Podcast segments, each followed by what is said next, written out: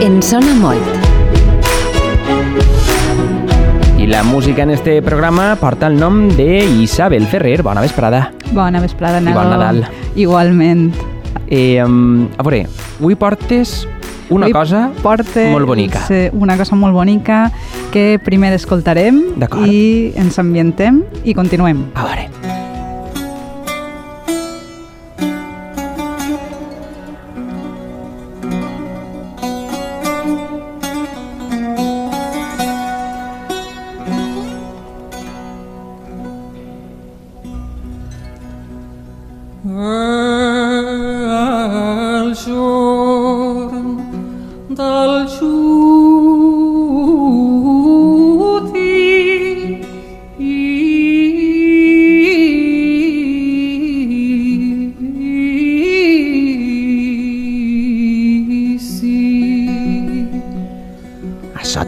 Que és?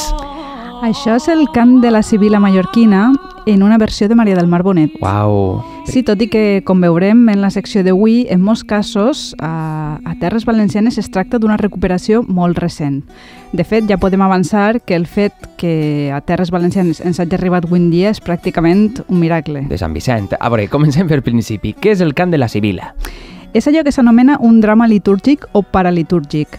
Quan diguem drama, en època medieval, no ara, ens estem referint a dramatització o representació, en este cas dins del temple, perquè Mhm. també n'hi havia fora, a l'entrada. Per tant, els drames litúrgics eren escenificacions que per dir-ho fàcil, tenien la finalitat de fer més accessibles els missatges de, l'Església a través del teatre, Mhm. perquè era més realista, era com fer una xicoteta animació del que, de la història bíblica o de La la, història... Una performance, exacte, més modern. I dins els drames litúrgics en tenim de diferents tipus, hi ha diferents noms, com ara ordo, misteri, miracle, etc. Mhm. I se'n conserven molts de, de drames litúrgics?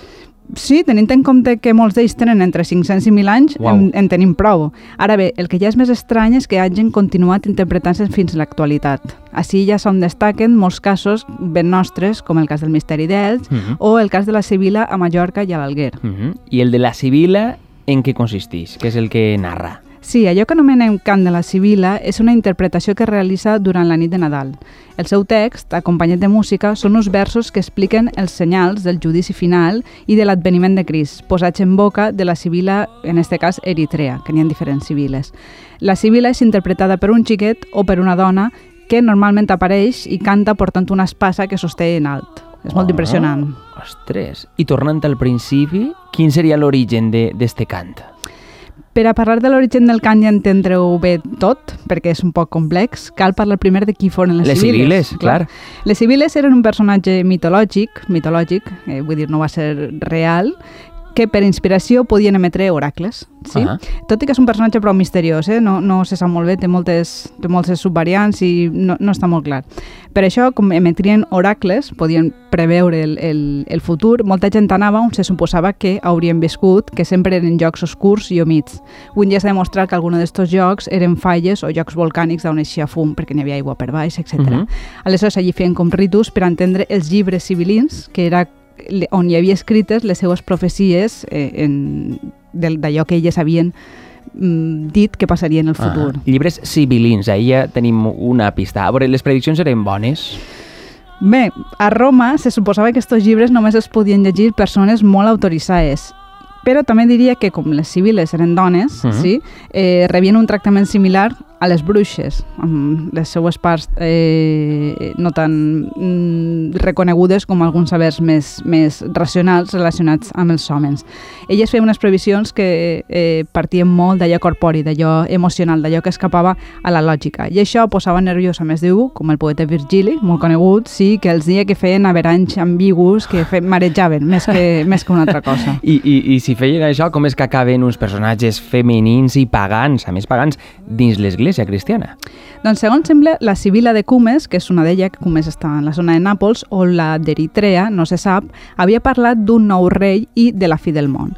Aquesta tradició, el cristianisme, el cristianisme l'agafa per dos personatges, que són Eusebi de Cesarea i Sant Agustí, que ho relacionen amb la figura del Messies, fent creure que era Déu el que havia traspassat el missatge a les civiles. I per això l'Església va assimilar estos personatges i es convertia en element de la representació litúrgica de Nadal. Ah, I això quan, quan va succeir? Doncs ens hem de remuntar als segles V i VI, que és quan es va introduir el text en la litúrgia. Més tard, en els segles IX i X, aparegué la música i la representació dramàtica per explicar tot això. I eh, més tard eh, van iniciar-se les representacions en Nadal, i eh, sobretot es vincula molt a l'arribada de l'any 1000, perquè nosaltres quan tinguem el drama de l'any 2000, 2000, que s'acabava el món, sí. i això ja fa mil anys ja va passar. és Aleshores, que la història sempre es repeteix, sí, eh? Tot, és, tot l'entorn de la civila va ser molt important en esta suposada vinguda de l'apocalipsi, aleshores es va posar de moda. El que passa és que en aquell moment el text era encara en llatí, Ah. Aleshores, si voleu, escoltem la versió que es diu versió de Barcelona, perquè s'ha trobat allí, que és dels segles 9 i 10, en la versió que fan Jordi Savall i Montserrat Figueres.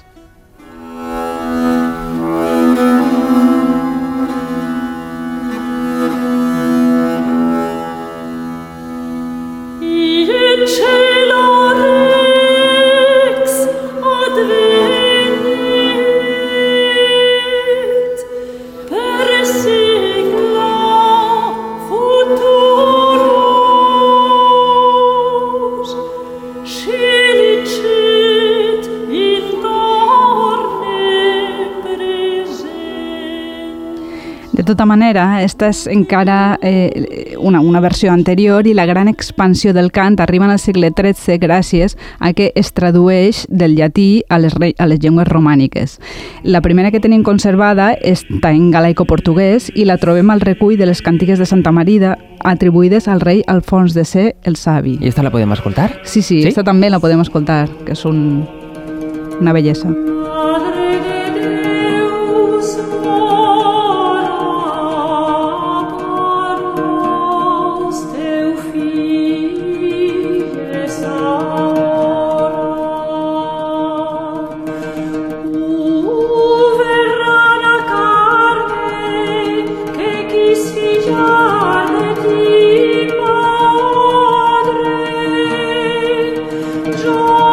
Totes aquestes peces eh, eh, transporten, estic imaginant un, una escenografia molt cinematogràfica, edat mitjana. A veure, estem a l'època d'Alfons X, seria? Sí. Eh, I això és el segle... Això és el segle XIII, segle XIII sí, que també és el segle de Jaume I, que vam parlar d'ell, i de fet hi ha qui diu que fou Jaume I qui la va instaurar a la corona aragonesa. Uh mhm. -huh.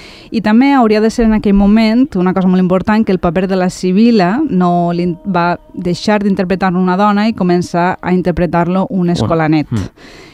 I això és així perquè en aquest segle XIII el dret canònic va prohibir la presència de les dones en aquest tipus de representacions cantades, tot i que depenia un poc del lloc. I de, tot... de com estigui el retor. Sí, sí, sí. Després ja veurem que també hi ha algun cas de prohibicions que mm. no es van seguir, etc. De tota manera, la civil es va convertir en tot un espectacle molt popular que sabem que s'interpretava arreu de la península i molt especialment en terres mediterrànies. Però quan dius popular, què, què vols dir exactament? Sí, popular en l'edat mitjana vol sí. dir que a nosaltres, que puguem saber, ens han arribat 50 versions eh, de la Sibila. D'aquestes 50 en, en llatí no hi ha cap igual que la del costat. Són totes, tenen elements semblants, però són totes diferents. A més, hi ha nou en, lleng en llengües vernacles i de les nou, sis són en valencià barra català. Ostres. Això vol dir que era molt popular, que la majoria sí. de les que es conserven en, en, en llengües vernàcules estan mm. escrites en valencià. Sí, perquè sí, és sí. interessant que, que se n'hagin conservat ja en si, en qualsevol llengua, però damunt en la nostra. Hem dit que només s'ha conservat a la ciutat de Palma de Mallorca. De forma continuada, interpretant-se, sí, junt a la de l'Alguer, que és un poc més, sí menys popular. L'eliminació de la resta va vindre perquè 200 anys més tard, de Jaume I, en el concili de, de Trento, es van vetar aquest tipus de representacions teatrals ah. dins del temple. A Mallorca primer es van saltar un poc les prohibicions i després van obtindre uns permisos especials, diguem així, per a poder-la continuar representant i l'han mantinguda, sí. I s'interpretava també aleshores el que avui en dia és el, el nostre... El, el, el Terres Valencianes?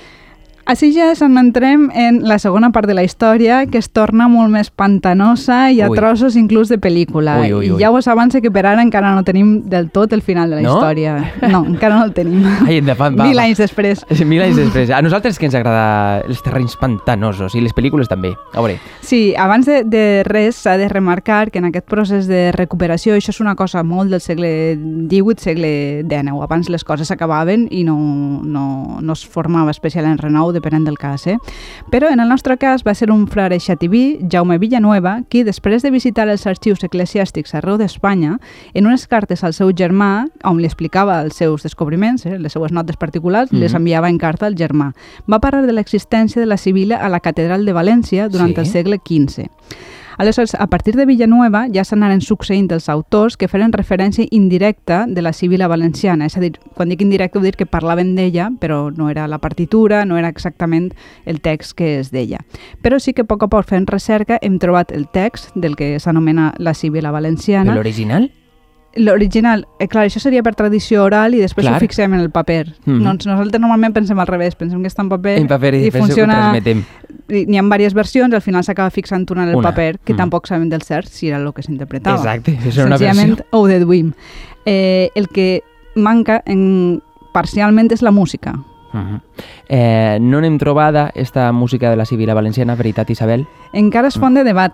La de fet, és que la història dels manuscrits ja és una història d'estes estil Indiana Jones. Si algú vol saber un poquet més, podeu llegir Mari Carmen Gómez o Carles Magraner, dos Sí. estudiosos que ells, eh, ells són les persones que estan fent recerca. De fet, la pella de, de ministres, eh, de misters, eh, també hi participa, veritat, a, en, la, en, la, en la recuperació. En esta recuperació, nova... sí, sí, Mm. han, han fet diferents versions, interpretacions a partir de tot, el que, de tot el que han trobat. El que tenim són unes peces polifòniques que formarien part d'esta representació, però no la música que acompanyaria els versos en si. O sigui, Ah. tenim unes cinc peces que agafen una part dels versos i fan unes peces polifòniques. Si voleu, escoltem un fragment d'aquestes peces. No,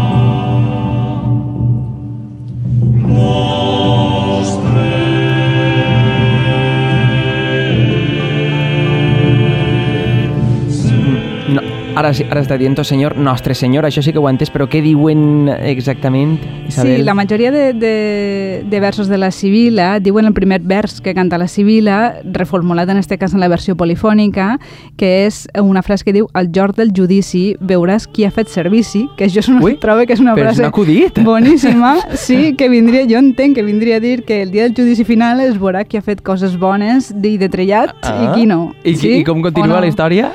El text de la Sibila continua descrivint que de la Verge naixerà un Déu que jutjarà el dia del judici final, Mhm. que eixe dia els morts ressuscitaran i que el cel i la terra tremolarà.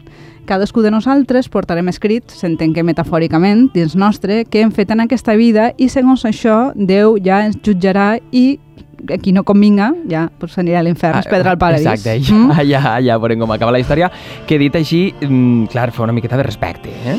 Sí, i cantada dins els temples de nit, Clar. sense electricitat, amb música, encens, devia d'impressionar moltíssim a la gent d'aquell moment. Però també s'ha de dir que, que sapiguem, portem mil anys amb el cant de la Sibila i el món encara no s'ha S'ha acabat. acabat, és de veres, és de veres. Bé, mira, l'important és que es conserva i podem escoltar-la i gaudir-la. Sí, i és molt, molt vell. Molt bé. Mm. Isabel Ferrer, musicòloga, moltes gràcies. Bon Nadal i fins la setmana que ve. Igualment, bon Nadal. Igual, igual. Fins la setmana que Ui, ve. igual, igual. Adéu, adéu.